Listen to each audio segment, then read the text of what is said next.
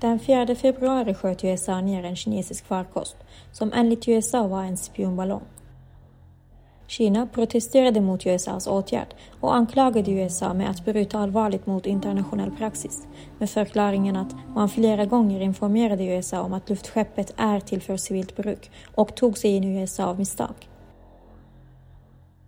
Men detta är inte den första konflikten som uppstått mellan USA och Kina. Redan 2011 förbjöds Kina från att samarbeta med NASA, ett embargo som bland annat portat alla kinesiska astronauter som ville besöka ISS, internationella rymdstationen. Embargot gjorde att Kina svarade med att accelerera sitt rymdprogram med nya mål, såsom sätta folk på den röda planeten Mars. Det här är Channel News Asian för två år sedan. One of Beijing's latest ambitions involves the Red Planet, with plans to send its first crewed mission there by 2033. Loman Min heads down to Wenchang. That's where one of China's four rocket launch pads is situated to find out how the country is breaking new frontiers. Det är inte bara länder som USA och Kina som försöker ta sig till rymden. Idag är det både privatpersoner och företag som intresserar sig i rymden och satsar fullt för att vara en del av utvecklingen. Två av världens rikaste män, Elon Musk och Jeff Bezos investerar i ett liv i rymden och verkar ha tydliga mål och beskrivningar om hur människans liv i rymden kan se ut. Här är Musk i en presentation från 2016. One path is we stay on Earth forever and then there will be some eventual extinction event. Uh, the alternative is to become a spacefaring civilization and a multi-planet species, which uh, I hope you would agree that is the right way to go. Men frågan är, är det tekniskt möjligt att flytta till rymden? Det här är Caroline Porco i sin TED-talk.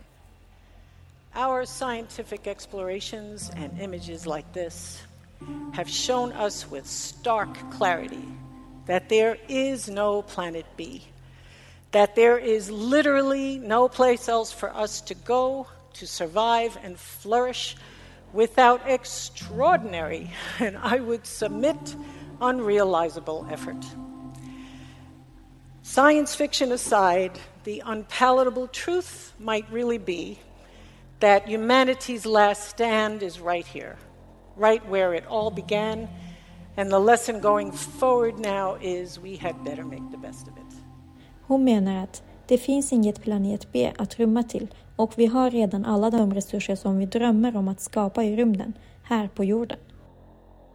Låt oss säga att vi lyckas med alla de här tekniska utmaningarna och bygger rymdstäder för kommande generationer. Vem ska leda och hur ska det gå till när konflikter uppstår? För finns det människa så finns det konflikt, eller?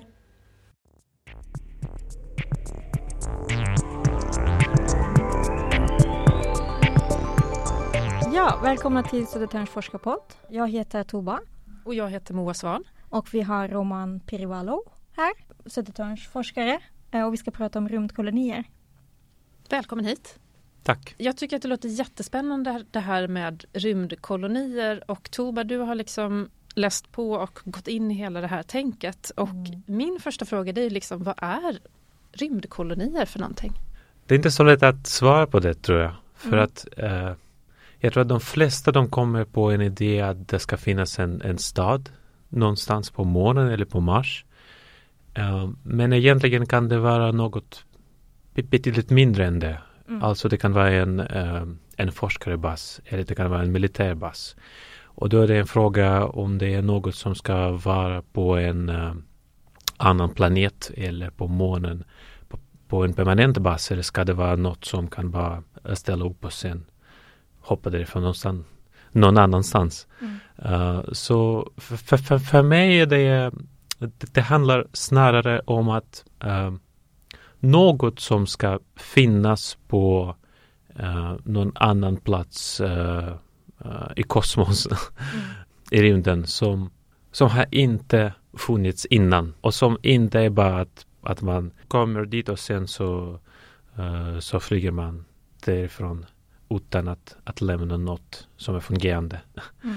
Eh, men då är det kanske också ehm, att det finns en annan sak om rymdkolonier när det gäller fantasier och föreställningar. För att då är det också en, en sak som, som kan eh, vara bara en, eh, en grej fantasi. Som egentligen också jätteviktigt för att det handlar om hur vi föreställer framtiden och politiken och samhället i framtiden. Och det är också en sak som, som jag främst är intresserad av. Inte så mycket kanske om, om egentligen en bas på Mars eller på månen. Mm.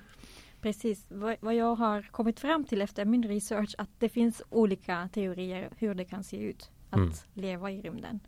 Eh, och det enda utgångspunkten att man ska ta sig härifrån till rymden.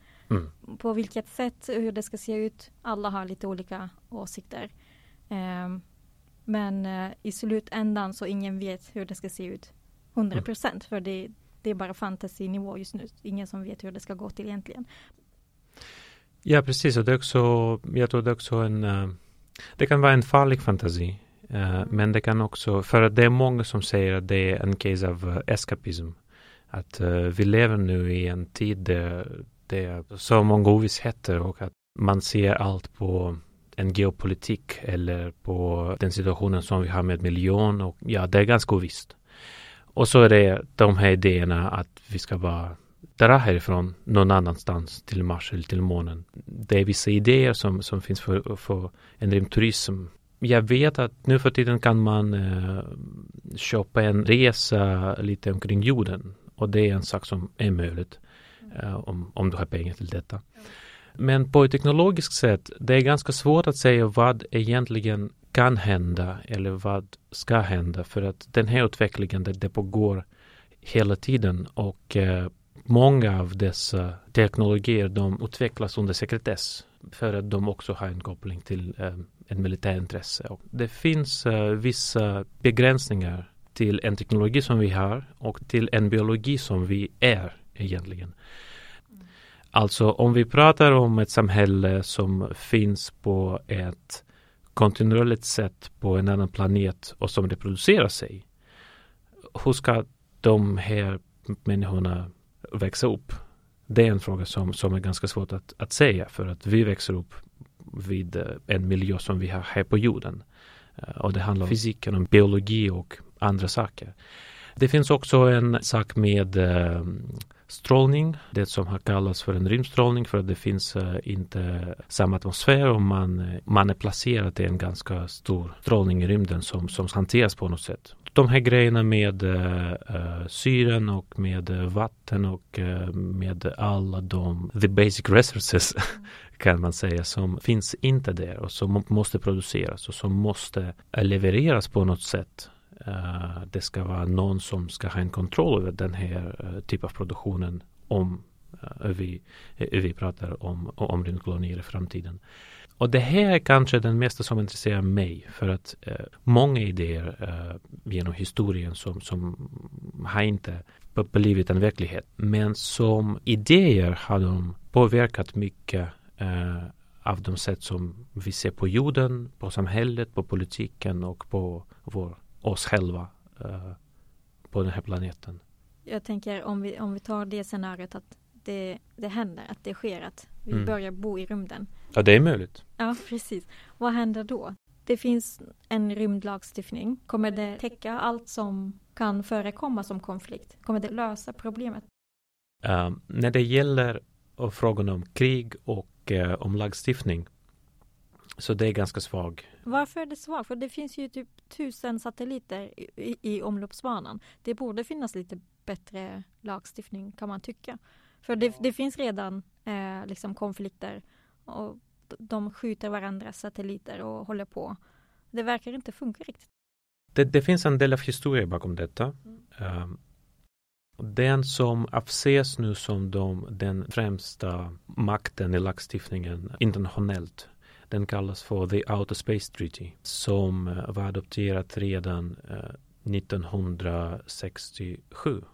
Bara en decennium efter man hade Sputnik på banan på omloppen runt eh, jorden. Och det finns uh, några viktiga saker som sägs i, det, uh, i den här The Outer Space Treaty. En av dem är att rymden är inte ett territorium för någon stat. Det är som det kallas the province of all mankind att rymden ska utvecklas till allas nytta det finns också ett förbud där mot att placera så det hände 1967 eh, och sen så var det eh, en space race mellan USA och Sovjetunionen helt igång. Och det hände så att man inte kunde komma till någon annan form av internationellt bindande lagstiftning. Det fanns mindre överenskommelser vilka omfattade vem som ska hjälpa vem i fall av eh, en emergency i rymden. Sen så fanns det en, eh, en Moon Treaty som var ett förslag från eh, 1972. Men det var aldrig adopterat, det är bara adopterat av några stater. De flesta av dessa stater har inte ens en rymdmöjlighet. De har inte skickat något. Och det är inte adopterat och varken säga av Kina eller Ryssland eller USA. Så efter detta så hade man eh, överenskommelser som var mellan the space agencies och mellan företag för att lösa de problem som bara uppstått utan att säga okej okay, den här gränserna som, som vi alla ska hålla till. The Outer Space Treaty är problematisk för att det är ganska svårt att förstå vad egentligen är, är förbjuden och var ligger gränserna utan att säga okej okay, vi kan inte placera en kärnvapen i rymden. Okej, okay. Och som du sa, det är också prat om privata aktörer som inte helst omfattas som, om det här uh, The Outer Space Treaty. Det finns en um, rad i den här texten som säger att, um, att staterna ska ta ansvar för alla former av, um, av rymdaktionerna oavsett om de är statliga eller inte. När vi pratar om internationella företag, vem som ska ta ansvar för detta. Men om det kommer ett företag som ska, ska gräva ut resurserna vad ska vi göra med detta? Om vi fortsätter på den här banan som det ser ut just nu med resursutgrävning och eh, med eh, idéer om kolonier. Det är därför att många av teoretiker eh, från en politisk sida de, de säger att det finns en stor risk nu för kriget i rymden. Det är kanske en större risk än det egentligen var under Space Race. Är det en större risk för krig nu? Vad är det som, som gör det då? det är inte alla som håller med med detta. Eh, just nu det handlar om att det kanske är möjligt att, att gå till månen och uh, att utgräva resurserna. Så alltså det, det, är inte bara en, en sak som man kan ha i huvudet uh, och se på vapen och eh, den här spelet som, som avgörs på rymden. Men det är också att eh, egentligen kan det vara så att man kan utgräva resurserna på månen. Uh, och det är inte så visst vad händer med den här planeten om uh, ett par decennier. Så det kan vara också en, en konkurrens för detta. Om vi pratar om månen så det är inte så att man kan landa på vilken plats som helst. Eh, det finns ett visst antal av platser där man kan landa. Och vissa är bättre och vissa är sämre. Och då ska det vara en fråga vem som ska vara den första att, eh, att hålla den bästa platsen och vad ska andra göra i så fall. Eh, så jag tror att det finns en större risk uh, av, uh, av den här typen av kriget.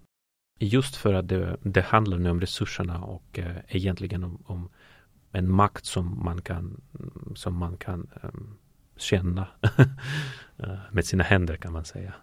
Men skulle det inte vara väldigt svårt att kriga i rymden? Jag tänker bara, bara nu finns det liksom rymdskrot som liksom cirkulerar runt, runt, runt. Om mm. man börjar spränga saker liksom, månen cirkulerar ju ändå kring jorden. Ja. Kommer inte allt skräp också då bara? eh. Det finns en massa skräp i, i rymden just nu. Ja, jag tror om vi, om vi pratar om kriget i rymden, det, det egentligen pågår. Uh, att kriget egentligen är nu rymden. För att om vi pratar om, om kriget i Ukraina till exempel, eller uh, om kriget i Syrien som var uh, i några år sedan, eller om vi pratar, även om vi pratar om, om kriget i Irak som var i början av uh, eh, 2000-talet. Uh, eh, så pratar vi om teknologier som, som är kopplade till, till rymden så mycket att man egentligen kan inte kan, kan inte eh, förlåt, man kan inte föra det här kriget på samma sätt om man inte har en rymdförmåga. Om vi pratar om kriget uh, är rymden egentligen in i kriget redan nu. Och just nu är det i Ukraina det, um, det är en rymdkrig kan man säga på det här sättet. Ryssland invaderade Ukraina i februari 2022 då kunde man ju se att de var på väg via satellitbilder och det var ja. också med på nyheterna ganska mycket liksom just satellitbilder och satelliterna är ju i rymden. Ja. Vad är det mer som gör det till ett rymdkrig?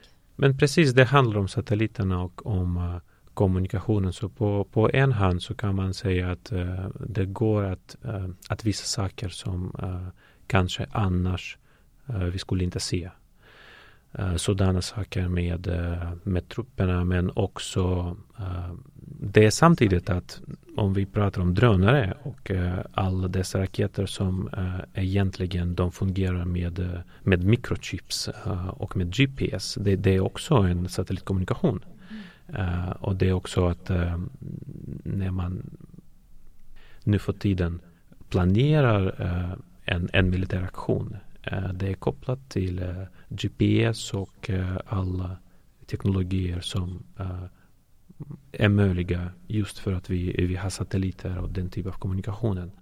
Man kan ju bara förstöra någon satellit. Nu tänker jag bara jätteenkelt för att jag har inte så bra koll på rymden och hur den funkar. Men jag tänker om jag förstör, låt oss säga Rysslands alla satelliter på ett sätt. Så Ryssland har ju ingen internet, ingen eh, tv-sändning. Alltså man kan ju förstöra rätt mycket med bara ta, bara förstöra deras satelliter. Det, det är också en, en, problem som, som hänger ihop med uh, det, det, som vi pratade lite innan om, uh, om uh, scrap.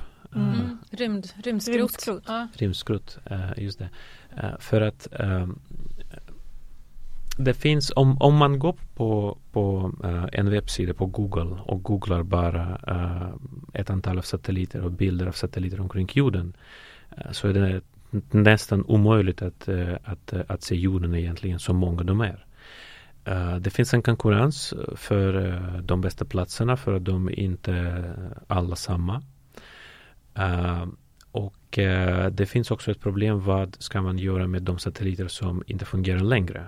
För att de finns i rymden och de kretsar jorden en viss tid innan de går i, i havet eller mm. någon annanstans. Eller att, att de brinner i atmosfären. Man har nu vapen som, som gör det möjligt att förstöra satelliterna. Uh, vi vet att uh, den här typen av vapen det finns åtminstone i USA, uh, Ryssland, Kina. Indien hade den också. Problemet med det är att om man vill förstöra en satellit i rymden så det är en eh, ett antal partiklar som, som eh, avstår från detta. Och då har man eh, istället för en satellit ett tusen, en miljon av, av ganska små partiklar som och det är en risk för alla andra. Det var, det var ett problem på internationella rymdstationen med eh, just en partikel som var bara en centimeter i diameter som, mm. som skapade en stor problem. för att det, kan, det kunde hända en för förlora den syren som, som finns inne mm. i stationen. Alltså ja. om, om man om inte gör något. Även om det är en centimeter stor partikel så kan det förstöra en hel. Ja precis för att det uh, då, så, så hela syret kan försvinna på grund av en liten partikel? Alltså, om, om det finns ett hål efter, efter ja. den här typen av kollisionen och mm. uh, de är jättesmå. Mm. Har det hänt då? Alltså? Det har hänt med satelliterna, det var problem med satelliterna. Mm. det hände så visst jag vet inte att man hade ett hål som man kunde eh, inte förstå varifrån det kommer. Uh, och det var en stor sak med uh, reparationerna och vad kan man göra med detta. Mm. och så som jag har förstått är den mest sannolika skälet till detta är just att det var en, en partikel som var någonstans ja, spring i rymden. Ja. ja, det var en rymdskrot. Uh, de är jättesmå men uh, det är också att de är jättesnabba. Uh, för att hastigheterna i rymden är inte samma som är här. så att om vi kan föreställa oss att det är kanske något som är en centimeter i diameter som faller på vårt huvud. men inte med den snabbhet som det faller nu men ett tusentals mer. Och det är som ett pistolskott nästan eller? Ja, Det är inte storleken utan det är hastigheten som gör att kollisionen, det är båda. stor kollisionen? Det är, det är storleken och det är hastigheten. Okay. Det är också att eh, när man när man pratar om um, base debris, uh, mm. vad sa du? Det är, rymdskrot kallar jag rymdskrot. det för. Ja. Det, ska jag, det ska jag komma ihåg. Uh, alltså när man pratar om detta och det finns också ett antal av dokument som gäller detta. Det finns inget internationellt avtal. Eh, men det finns olika typer av regler eh, vid eh, olika länder till exempel.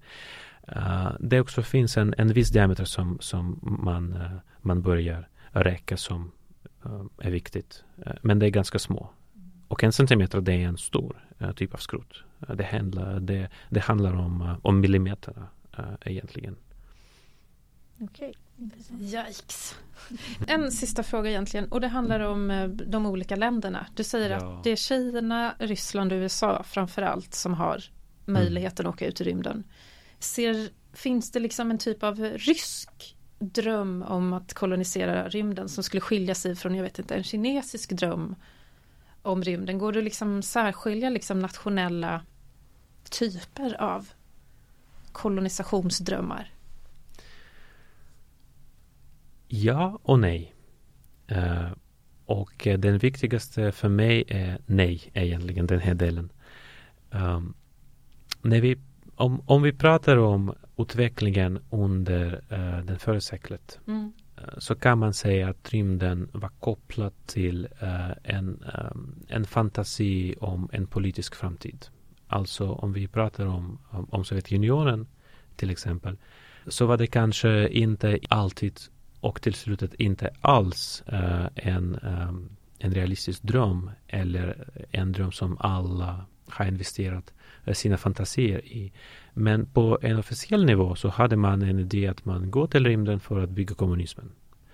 Eh, så vi ska bygga kolonier och eh, baser för en forskning och och målet med detta är att vi, uh, vi skapar ett bättre samhälle mm. som ska vara ett kommunistiskt samhälle. Um, jag vet inte så mycket om uh, amerikanska rymdprogrammen men uh, utifrån det som jag har läst så handlade det, det mycket om den liberala idén om friheten att man kunde um, ha en, en friare plats uh, att uh, utveckla sina drömmar och sådant. Lite som det, det var före detta uh, i um, The Westward Expansion i USA. nu för tiden är det mm, Ja, det är lite stökigt egentligen för att det är ingen stat och inget företag som som visar sig att ställa någon typ av en politisk dröm i rymden.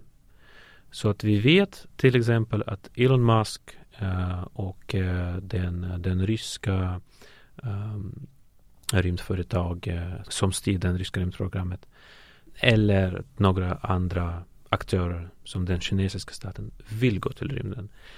Men det är ingen som säger vad är målet med detta de flesta säger att målet med detta är den ekonomiska utvecklingen eller att vi har ekologiska skäl eller att vi vill ha bättre satellitbilder eller att vi ska ha en bättre nätverk för mobiltelefoner. Uh, bakom detta så kan man också uh, alltid ha en idé som vi pratade innan. Okej, okay, det handlar om krig. Det handlar också om den militära möjligheterna. Men in, in en idé som, som är mm, som en utopi av, av eh, en fantasi för, framtiden. Eh, om varför vi egentligen gör det, vad det är en, en stor skälet, om det finns en grand vision bakom detta. Uh, och på det sättet kan man säga att de, de är nästan lika samma. Men de är olika samtidigt på en geopolitisk vis.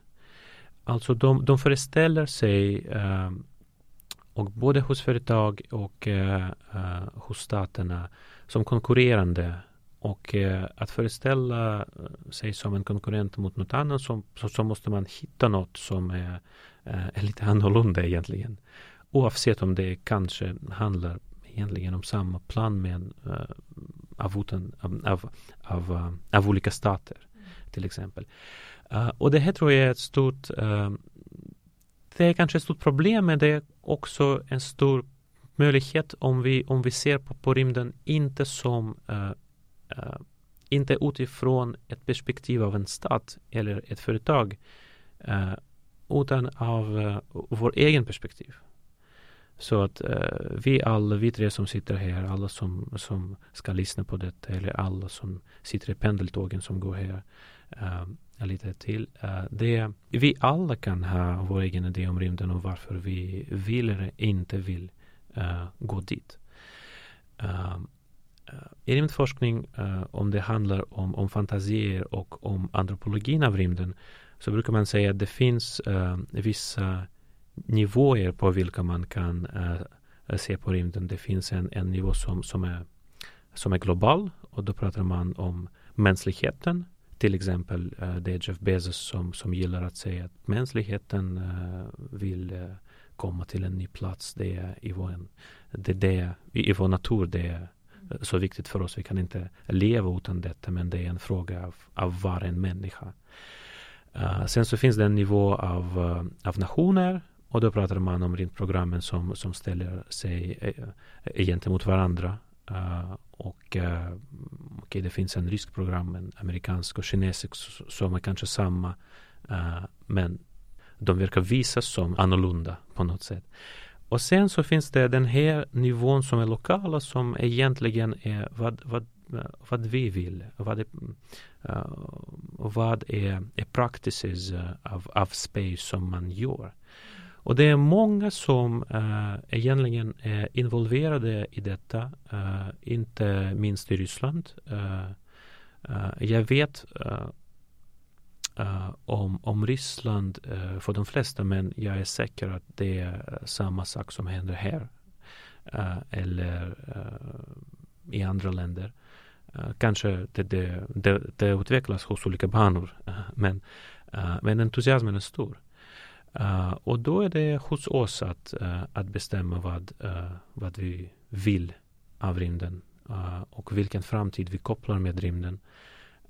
fast det är också staterna och militära och företagen som ska komma in och göra något med det som vi tänker. Okej, okay. ja, men då tackar vi dig Roman Privalov för att ja. du var med i Södertörns forskarpodd. Stort tack. Du har hört Södertörns forskarpodd. Tekniker Florence Agostini. Producent Moa Svan. Och jag heter Tova Sall.